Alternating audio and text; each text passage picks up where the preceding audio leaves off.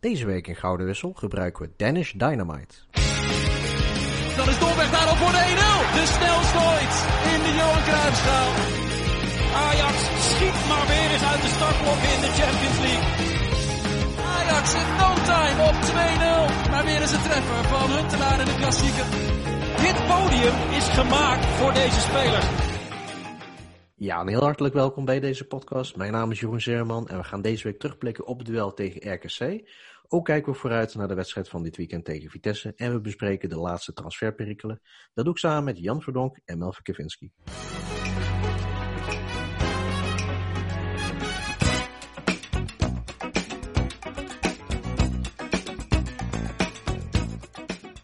Nou, Ajax-RKC, reguliere 3-0 zou je bijna zeggen. 1-0 Tadic, 2-0 Labiat, 3-0 Martinez. Jan, Ajax is eigenlijk geen moment in de problemen gekomen, hè? Nee, maar ja, daarvoor is RKC natuurlijk ook wel gewoon te zwak.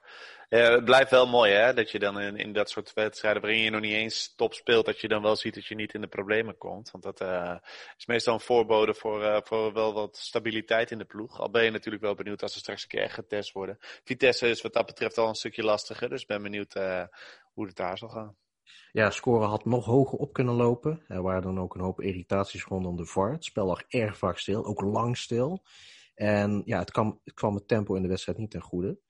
Uh, ja, nu zullen mensen ook zeggen, ja, maar cruciale beslissingen die moeten toch echt voorrang krijgen ten opzichte van het kijkplezier. Maar ik kan je vertellen, mijn kijkplezier is wat dat betreft echt rap aan het afnemen. Want voetbal is ook entertainment, hè? Ik heb me kapot geërgerd aan de afgelopen wedstrijd tegen RKC. Het spel lag zo vaak stil, ik dacht van, ik ga hem uitzetten. Maar dat heb ik dus niet gedaan.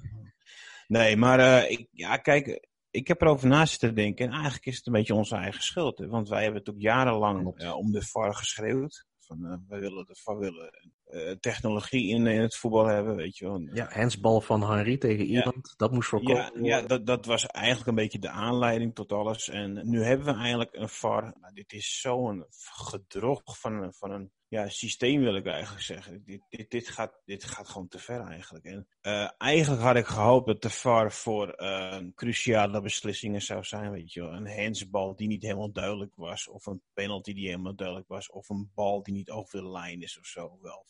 Weet je wel, dat, dat soort beslissingen.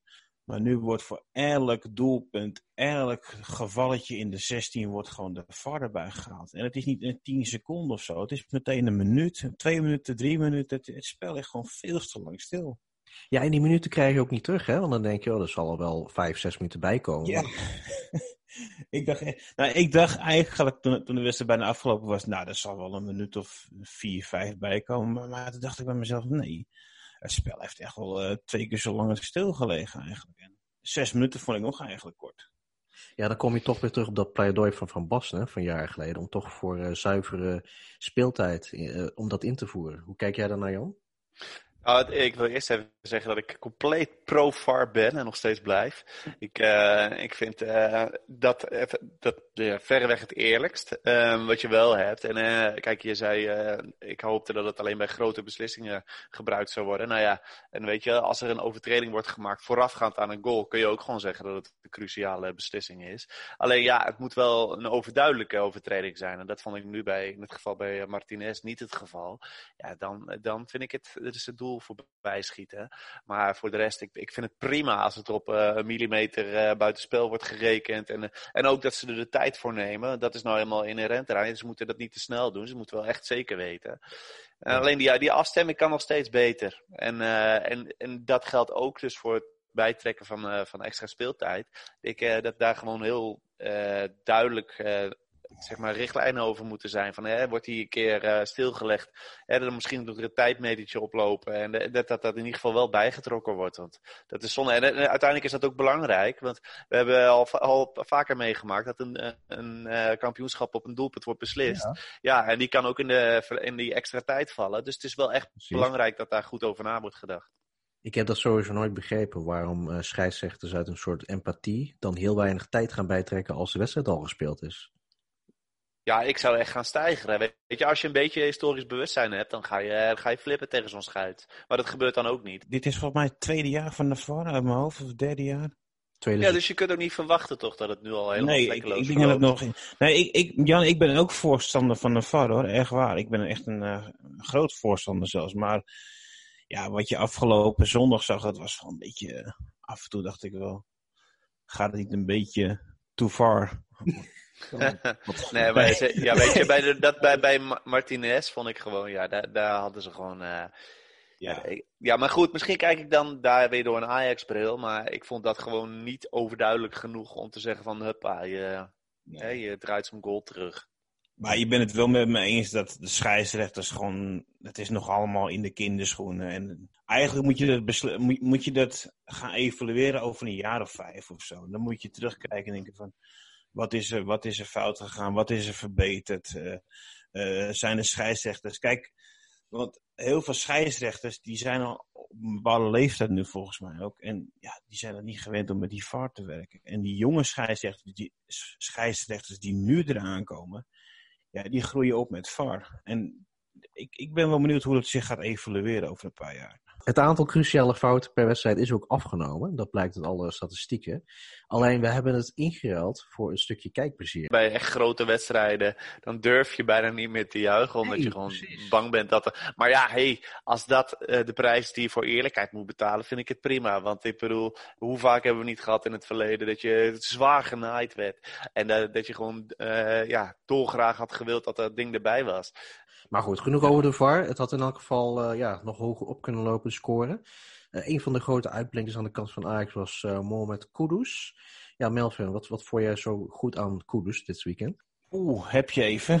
Ik vond hem aan de bal vond ik hem heel sterk. Hij was nauwelijks, aan, aan- hij was nauwelijks van de bal te krijgen. Doordat, op een gegeven moment had hij ook een actie in de tweede helft, dus stond het al 3-0.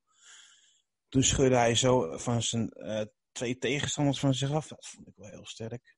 Eh, ik vind ook dat Kudus heel slim eh vrij loopt zonder bal. Eh, hij kreeg dan heel vaak de bal niet, maar dat maakt ook niet zoveel uit voor mij, want ik zie dat Kudus dat wel zelf ziet. En op die leeftijd ben ik daar wel blij mee. Vooraf werd bij zijn aantrekker gezegd dat hij weliswaar een ruwe diamant was, maar dat hij nog wel eens het overzicht miste. Maar daar heeft hij afgelopen zomer wel aan gewerkt. Zo, nou, ik, ik vond dat hij echt wel overzicht had. En ook die, eh, die voortzet die hij gaf op de randje 16 toen de, toen de 2-0 viel. Ja, dat was echt wel een, eh, een klasse voorzet hoor. Ja, ik, ik vind het echt in- inderdaad een ruwe diamant. En ik vond hem veel beter spelen dan Anthony trouwens. Ja, vind ik een gevaarlijke vergelijking altijd, omdat twee spelers zijn op totaal andere posities. Maar inderdaad, Ja, maar, omdat, ja, maar dat, dat zeg ik omdat die twee tot nieuw zijn. En die worden ook een beetje gehyped nu, op dit moment. Nee, ik ben eigenlijk meer onder de indruk van Kudus op dit moment dan Anthony. Wat ik wel opvallend vind bij die gasten is dat ze allebei eh, techniek koppelen aan een enorm groot zelfbewustzijn en, eh, en werklust. Ja, dat is toch wel een, een gouden combinatie, hè, die, die drie dingen. Als je die allemaal hebt, dan kan je echt ver komen. En dat, ja, de, het enige is dan eh, de vraag, hè, zijn ze intelligent genoeg om, om bijvoorbeeld eh, positioneel goed genoeg te staan? Nou ja, daar hoor je nog wel dat eh, bij Kudus daar nog wel wat, eh, wat aan te verbeteren valt. Dat hoorde je van Ten Hag. Ja. Ja, bij, eh, bij Anthony heb je dat soms ook nog wel. Maar, maar goed, ja, die basis bij hun is zo sterk. En ze hebben zo'n geloof in zichzelf dat je er eigenlijk geen moment aan twijfelt dat ze het helemaal gaan maken bij Ajax. Ja. zou je hem ook al in de basis zetten? Ja, weet je, ik, ik ben niet zo voor eh, iemand eh, definitief de basis inschreeuwen, zeg maar. Ik zou het wel aandurven met hem. Maar wat, wat heel interessant wordt, dat heb ik ook bij Gravenberg. Die, die vind ik er ook klaar voor. De, de, de vraag is dus, ja, kunnen Kudus en Gravenberg op één middenveld spelen? Zijn ze complementair aan elkaar? Of moet er nog juist er inderdaad eh, ja, een Alvarez of, of een- liever nog een ander bij? En is het dan complement, eh, complementair aan elkaar? Dat zijn de vragen die de komende weken beantwoord zullen moeten worden. Ik vond zijn timing af en toe vond ik briljant in de wedstrijd van, van, eh, tegen RKC. Dat, dat, viel mij ook heel erg op, zijn timing. Dat hij net een halve seconde eerder wegstapt uit een, eh, van zijn tegenstander. En dat hij gewoon op een gegeven moment meters vrij stond. En ja, ik denk dat tegenstanders daar zich ook op gaan anticiperen de volgende keer. Maar het mooie is ook, weet je wel, ik bedoel, Alvarez wordt dan de laatste weken wel eens een beetje, ja, ik snap dat niet, maar er wordt hij dan helemaal in geprezen omdat hij zoveel ballen zou afpakken. Nou, volgens mij heeft uh, Kudus meer ballen afgepakt dan Alvarez. Ja, Dus dan zie je dat dat prima samen kan gaan, hè, de technisch vermogen en, ja eh, en ballen afpakken. Dus eh, ja, precies. Maar voor mijn gevoel hebben we deze fase eerder gehad, van vorig jaar ook. Toen zat iedereen Alvarez een beetje op te hemelen, als het ware. Van we gaan onszelf moed in praten. En zodra de grotere wedstrijden uh, aan bod kwamen, zag je dat er heel weinig van overbleef. Ja, met één groot verschil wel. Dat bij Alvarez, en is de coach van zijn vorige club, die, die noemde het al meer een middenvelder. En bij Mexico hebben ze hem linksback gezet, rechtsback, weet je. Het was, continu werd hij heen en weer gezien. Dat is bij Kudus ook wel, maar dat was wel de grote man eigenlijk al wel in de Deense competitie. Uh, ja, dat is toch, en, en iedereen die uh, over hem hoort, die is vol lof. Dus dat vind ik toch wel een, toch wel een verschil. Uh, ja, maar was het met Alvarez ook niet zo dat ze het eigenlijk meer deden om... Nou, er, zit, er hangt wel een prijskaartje aan Alvarez en En dat kan echt als een albatros werken inderdaad, ja. Ja, maar je, je, kunt ook gewoon wel zeggen van, misschien is het wel de jongen die nu op dit moment voor de meeste balans zorgt. En ja, ik hoop dat de Selef, dat Koeders en Gravenberg dat kunnen zorgen of dat er nog een aankoop komt. Maar weet je, dan kan ik me voorstellen als Ten Hag echt dat gevoel heeft dat, eh, dat uh, Alvarez de, de enige is die voor balans kan zorgen daar, dat je, dat je deze keuze maakt. Maar blij ben ik er niet mee, want ik heb echt het gevoel dat het beter kan, weet je wel. Of, ofwel via de transfermarkt, ofwel via net even wat andere keuzes. Ja, we nemen geen genoegen meer met boter op ons brood. nee, precies. Ik niet in ieder geval.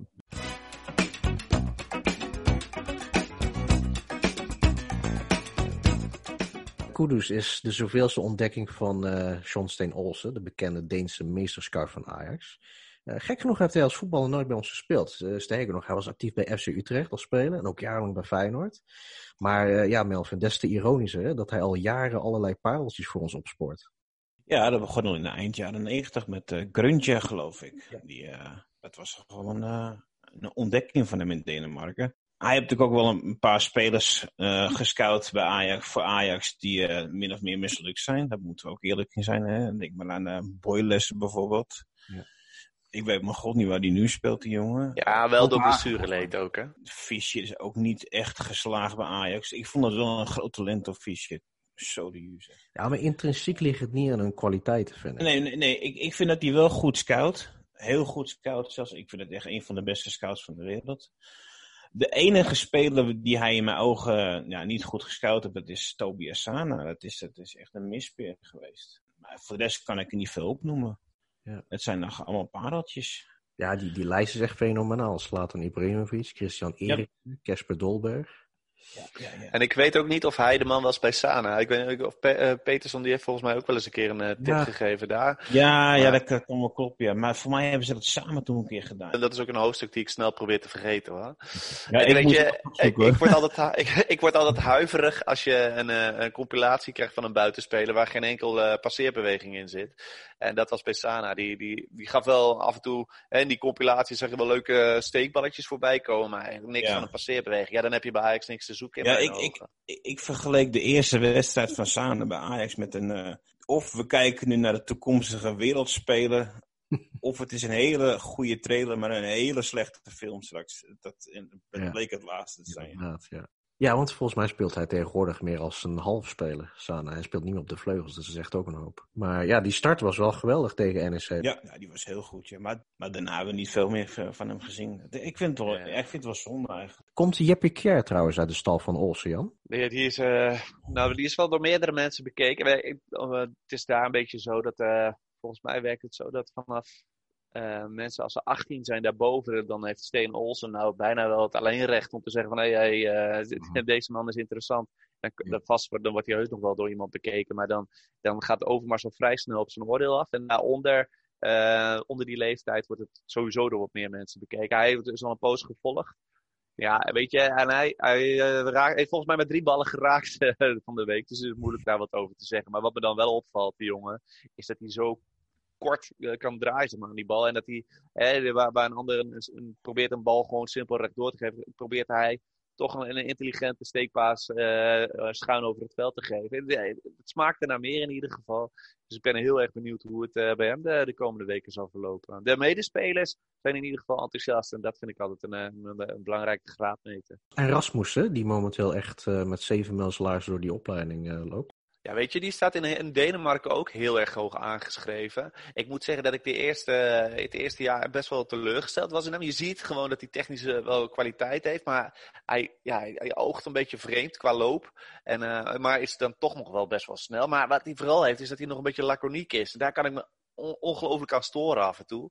Maar de laatste weken heeft hij weer heel goede momenten. Ja, hij heeft wel iets. Ik bedoel, het zou zomaar toch uh, Ajax 1-materiaal kunnen worden. Maar ik wil wel dat Laconique wel een beetje uit zijn spel hebben. Lekkere dribbel heeft hij, hè? hij, hij heeft van die, van die uh, interessante momenten, ja. En dan kan hij opeens ook heel snel uh, zijn en, en echt een hele leuke creatieve ideeën hebben. Maar uh, ja, het zal, ik denk dat het bij hem het, nog het meeste zal liggen aan, aan zijn mentaliteit. Dus zijn, ja, hoe, hoe, graag hij het ook wil. Want dat, dat zie je nog niet altijd even, even goed terug bij hem. Doe me een beetje denken aan, ja niet qua spel hoor, maar aan het, de, de kwestie Lucas Andersen. Want iedereen zag dat hij kon voetballen, maar die miste dan toch de mentale hardheid. Ja, maar bij, bij Andersen vond ik meer, echt wel onzeker, uh, zeg maar, bij hem. Of een beetje soft. En dat heb ik bij Rasmussen niet. Ik, ik heb meer het idee dat het, uh, ja, een beetje zo'n zo'n die het misschien allemaal soms te makkelijk is afgegaan. Misschien dat, het bij hem, dat hij ook wel nodig heeft om toch wel weer op een uh, nog hoger trapje te spelen, weet je wel. Bij Ajax ook, dat hij daardoor weer extra uitgedaagd wordt. Want dat, zulke jongens hebben dat soms ook wel nodig. Ik zag John St. Olsen ook staan bij de naam eh, Michael Laudrup. Hoe hoeverre is dat een relatie met, eh, met die twee? Ja, dat is, dat is een hele goede vraag eigenlijk. Ik weet dat bij Laudrup, die werd ook al in een jong, uh, of in een vroeg stadium gescout. Maar die koos toen nog voor Juventus, uh, geloof ik. Ja, ja. ja, die heeft daar later ook van gezegd, hè, dat hij daar altijd, of dat hij eigenlijk zijn carrière bij Ajax had moeten beginnen. Nou ja, maar ik, ik heb eigenlijk geen idee hoe dat, uh, hoe, de, hoe dat toen is gegaan. Nee, ik zag toevallig die namen bij elkaar zitten. Nou ja, wat zal die voor een... Ja, het was al in de jaren negentig, maar... Ja, dat, ja. Ik, ja Laudroep, dat was, uh, dat, was een, nou ja, dat was mijn idool, zeg maar. Daar de, de probeerde ah, ik zijn sleepbeweging altijd na te doen. Maar dat was wel pas, zeg maar, de tweede helft van uh, dat hij uh, twintig was. dat, je, dat ik dat echt begon te volgen. Dus dat, ja. Yeah. die beginfase heb ik gemist van zijn van de carrière, helaas.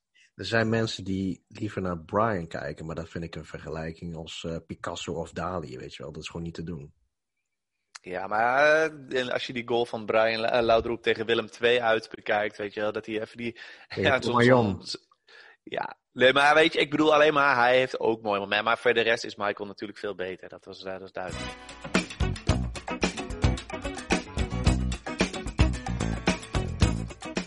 Goed, dan wil ik de transfer van Sergio Des nog even bespreken. Uh, lange tijd leek Bayern München de frontrunner te zijn voor een overgang. Maar nu lijkt uh, Barcelona na het vertrek van uh, Semedo de beste papieren te hebben. Ja, verrassend. Ik, ik, was, ik dacht echt dat het in kan kruiken was met Bayern. Ik had nog een beetje gehoopt dat hij zou blijven bij Ajax. Het is wel dat je voor zowel rechtsback als linksback je eerste wisselspeler kwijtraakt.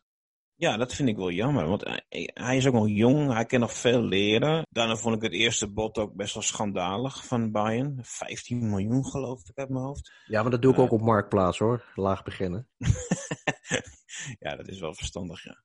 Nee, maar uh, nee, ik was echt wel verbaasd dat hij naar Barcelona ging. Ik denk, ja, ik hoop dat hij slaagt, die jongen, want dat gun ik, dat gun ik iedereen. Ik vrees dat het gewoon weer te hoog gegrepen is. Dat het net eventjes weer te vroeg is. Ja, ik ben benieuwd. Ik, uh, weet je, hij heeft in principe, denk ik, dat heb ik vorige week ook al gezegd, maar de, de andere medespelers bij Ajax die prijzen hem om zijn techniek. Dan zeggen ze misschien wel dat het me technisch de meest vaardig is van de hele selectie. Hij heeft snelheid. Hij heeft ook nog ook wel die, die echte wil om, om te komen. Dus al met al zijn dat toch wel eigenschappen waarvan je denkt die zijn heel interessant voor elke topclub. En dan, dan zou hij het ook best kunnen maken. Maar alles valt of staat daar met je, je kans meteen pakken. Hè? Want je, ja, je moet daar wel meteen leveren. Ik zag op social media een filmpje waarin hij aan het dollen was met Anthony. Nou, dan denk je, nou, dat wordt gewoon een uh, ja, soort publieke vernedering voor Des. Maar hij hield zich gewoon staande tegenover Anthony. Ja, maar vergis je niet. Die jongen die heeft ook heel vaak rechtsbuiten uh, ook nog wel gespeeld. Zou die, dat is ook een rol die hij echt wel aan kan.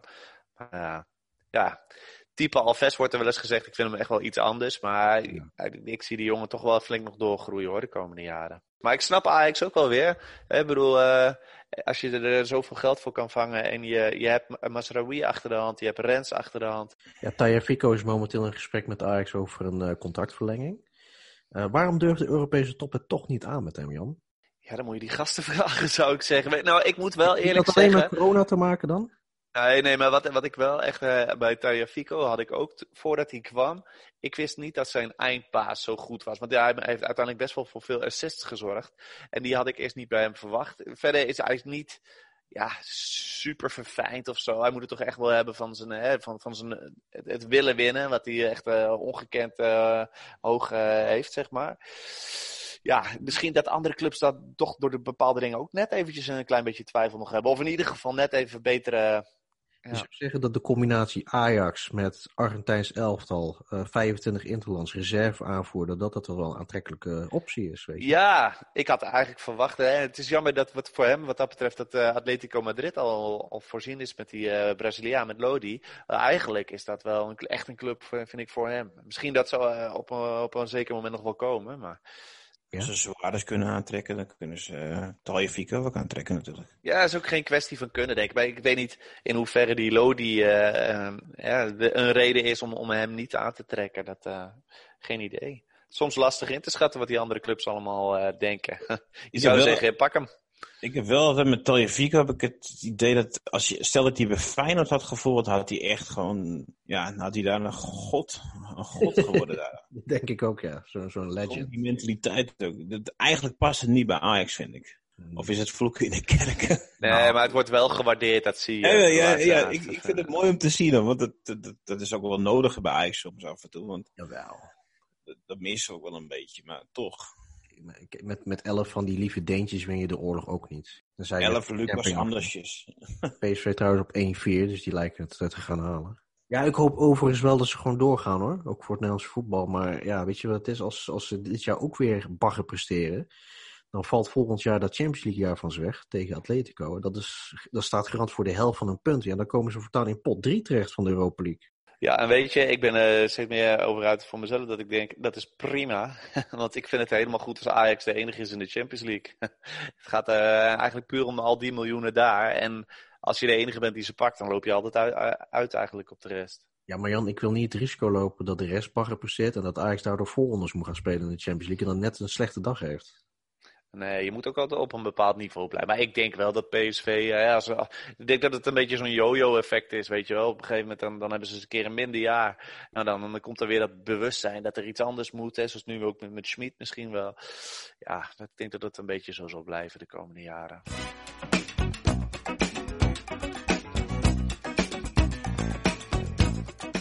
Nou, dan de wedstrijd van zaterdag tegen Vitesse. Op papier de topper. Nummer 2 tegen nummer 4. En ook dit jaar heeft Vitesse weer een hoop mutaties ondergaan. Nieuwe Duitse trainer, Thomas Letch. Ja, toch maken ze zelden een vuist in Amsterdam. Waar zouden ze ons pijn kunnen doen? Het blijft toch eh, wel zo dat je in de, in de omschakeling in principe niet, niet heel veel snelheid hebt. Dus dat daar. Uh, het Schuurs en Blind bedoel je? Ja, Schuurs, Blind, Alvarez, dat, uh, dat is allemaal niet, uh, niet, niet ongelooflijk snel. Hè? Dus daar zouden ze ons pijn kunnen doen. Voor de rest is het ook bij Ajax. Hè? Als, als ze scherp genoeg zijn. Uh, af en toe, er, wat, er was ook wel de kritiek afgelopen zondag dat ze soms een beetje makkelijk terugshockten, zeg maar. Ja, ze zullen wel vol moeten leveren. En anders dan, dan kun je het gewoon moeilijk krijgen tegen Vitesse. Die hebben genoeg individuele kwaliteiten ook toch kennelijk wel weer in huis om, uh, om ook gewoon met wat minder kansen een, een goal te maken. Dus uh, ja. Maar ja, ik, ik, verder, ik vind gewoon dat je ervan moet winnen. Dus we hoeven ze ook niet te, te, te hoog uh, in te schatten wat dat betreft. Het is wel grappig dat Vitesse de afgelopen twee wedstrijden won tegen Sparta en RKC. Ook wat Ajax deed. Wat deden ze trouwens? Weet je dat toevallig? Uh, 1-0 en 2-0 geloof ik. Oeh, nou, ze loopt bijna synchroon. ja, het is, uh, ja, vooral die Kananen, die vind ik echt heel goed. Die, is, uh, die heeft een goed seizoen alvast. En uh, doet het ook heel goed achterin. Ja, maar dat zijn dus jongens die je eigenlijk, had je vanuit de jeugd, uh, zou je verwachten op basis van de technische kwaliteiten, dat zij gewoon uh, echt heel ver zouden komen. Maar ja, die hebben dan gewoon net hun, de mentaliteit niet gehad. Maar ja, die kunnen het op een moeilijke dag, kunnen ze het echt die, uh, tegen Ajax echt veel jongens moeilijk maken. Dus ik ben heel benieuwd wat dat betreft. Want Bazoer was natuurlijk eigenlijk, als, als het in zijn kopje allemaal goed had gezeten, was het een hele fijne optie geweest om nu op zes uh, te hebben bij Ajax. Ja, ik weet nog dat uh, in dat seizoen waarin hij doorbrak, ja, de scouts over elkaar heen buitelden, zeg maar. Ja, en, en nou ja, ik herinner me nog goed een jeugd-WK waarin hij uh, centraal achterin stond. En ja, daar was ik ook echt, echt fan van hem. En uh, nou, nu staat hij bij, bij Vitesse, geloof ik, de laatste wedstrijden ook centraal achterin. Nou, dus ik uh, ben benieuwd hoe hij zich daar verder gaat uh, ontwikkelen.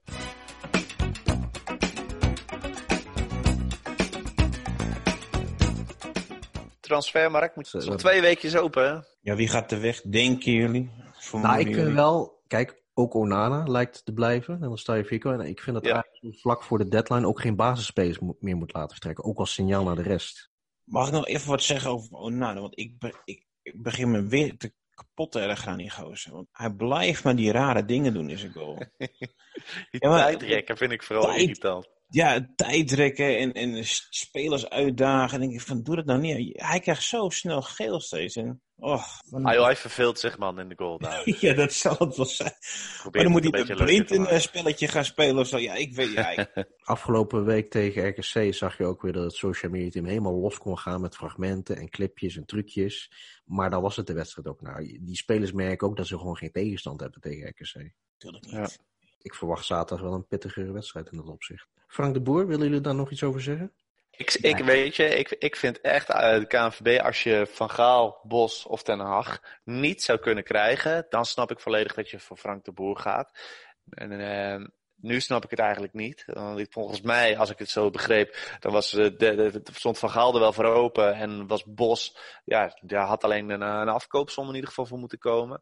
Nou ja, goed, als je dan voor Den Boer gaat, moet je wel eventjes terugkijken. Bij Ajax heeft hij eh, nooit fantastisch materiaal gehad. Dus dan kun je eh, misschien ook niet verwachten dat hij daar fantastisch voetbal mee speelt. Moeilijk vind ik dat wel. Maar in het buitenland is hij vooral mislukt omdat hij zijn persoonlijkheid niet zo gepruimd werd. Dat vonden ze hem arrogant. Of dat hij die bal te mooi in de goal schoot of zo bij de trainingen. Nou, ik denk dat Nederlandse spelers daar niet zoveel moeite mee hebben. Dus ik denk dat hij die problemen die hij in het buitenland had, ook qua speelstijl en dus qua de, persoonlijkheid niet gaat hebben bij het Nederlands elftal. En dan is het te hopen dat hij met beter materiaal, want we hebben daar goed materiaal rondlopen, dat hij daar gewoon at- attractieve voetbal eh, gaat kunnen spelen. Jawel, kijk, hij had te maken met beperkte middelen. En zijn vier kampioenschappen hebben de financiële basis gelegd voor het fundament waar Ajax nog steeds op eh, drijft. Daar ben ik echt dankbaar voor.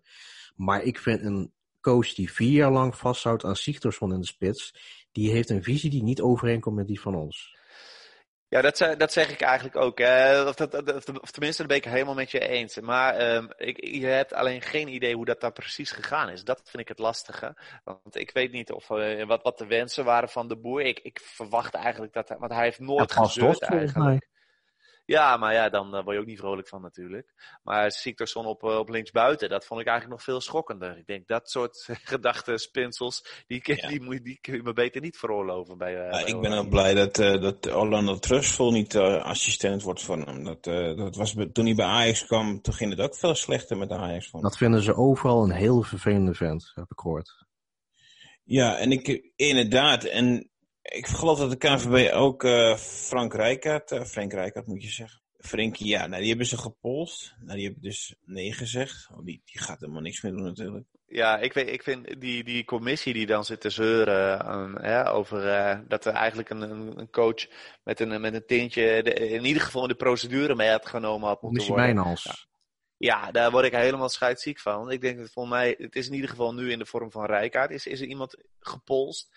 Maar voor de rest, ik, in het voetbal, kijk, kijk nou naar het Nederlands elftal, hoe, wa- wat dat een, een smeltkroes van, eh, van culturen en Ja, diversiteit is. En dat, als er nou één plek is in Nederland waar, wat, waar eigenlijk de, de natte droom is van elke eh, persoon die van, van een multiculturele samenleving houdt, dan is het het Nederlands elftal Ja. wel. Dan moet je toch, ja, ik vind die, dat is niet de plek om daar eh, een, eh, om dit soort discussies te voeren. Ik snap best hè, dat die mensen zich willen hard maken voor meer eh, gekleurde coaches in, in het betaald voetbal. Misschien meer directeuren, prima. Maar bij Nederland zelf, van, kom op mensen, dan schiet je echt je doel wel voorbij. Ja. Dat quotient halen ze moeiteloos. En zeker omdat ze met Ginny Wijnaldum echt wel een boegbeeld in dat opzicht hebben, die zich daar hard voor maakt. Want ik vind het fantastisch als je straks, eh, stel dat we wereldkampioen zouden worden met, met eh, Turken, Surinamers, Nederlanders, eh, eh, wat, al dat, dat speel bij elkaar is toch geweldig. En ja, ik denk dat je daar alleen maar de bewondering voor kunt hebben en, en, en trots op, op kan zijn. Dat, dat in, in andere bedrijfstakken zie je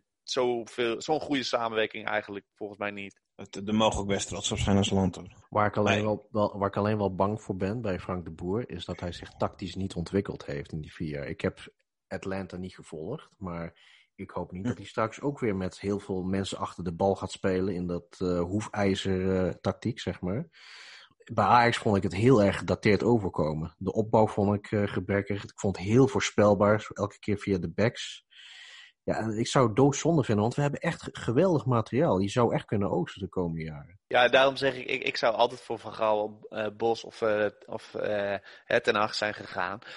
maar ja, dat is een stukje diepgang die je ook gewoon mist in die, in die visie bij de KNVB. En dat, dat is heel jammer, want dat kan net die 5% verschil straks gaan uitmaken tussen wel of geen wereldtitel. En daar zou ik knap ziek van zijn.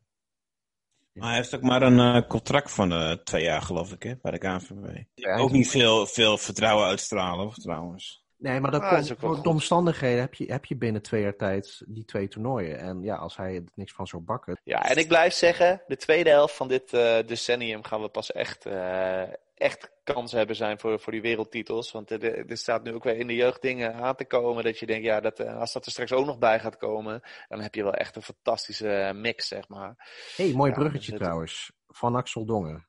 Heeft ze contract voor? Ja. Ja, daar was ik echt ongelooflijk blij mee. Want ik had eigenlijk begrepen, hij had al een, voorstel een keer afgeslagen. Maar kennelijk hebben ze hun huid gewoon uh, duur willen verkopen.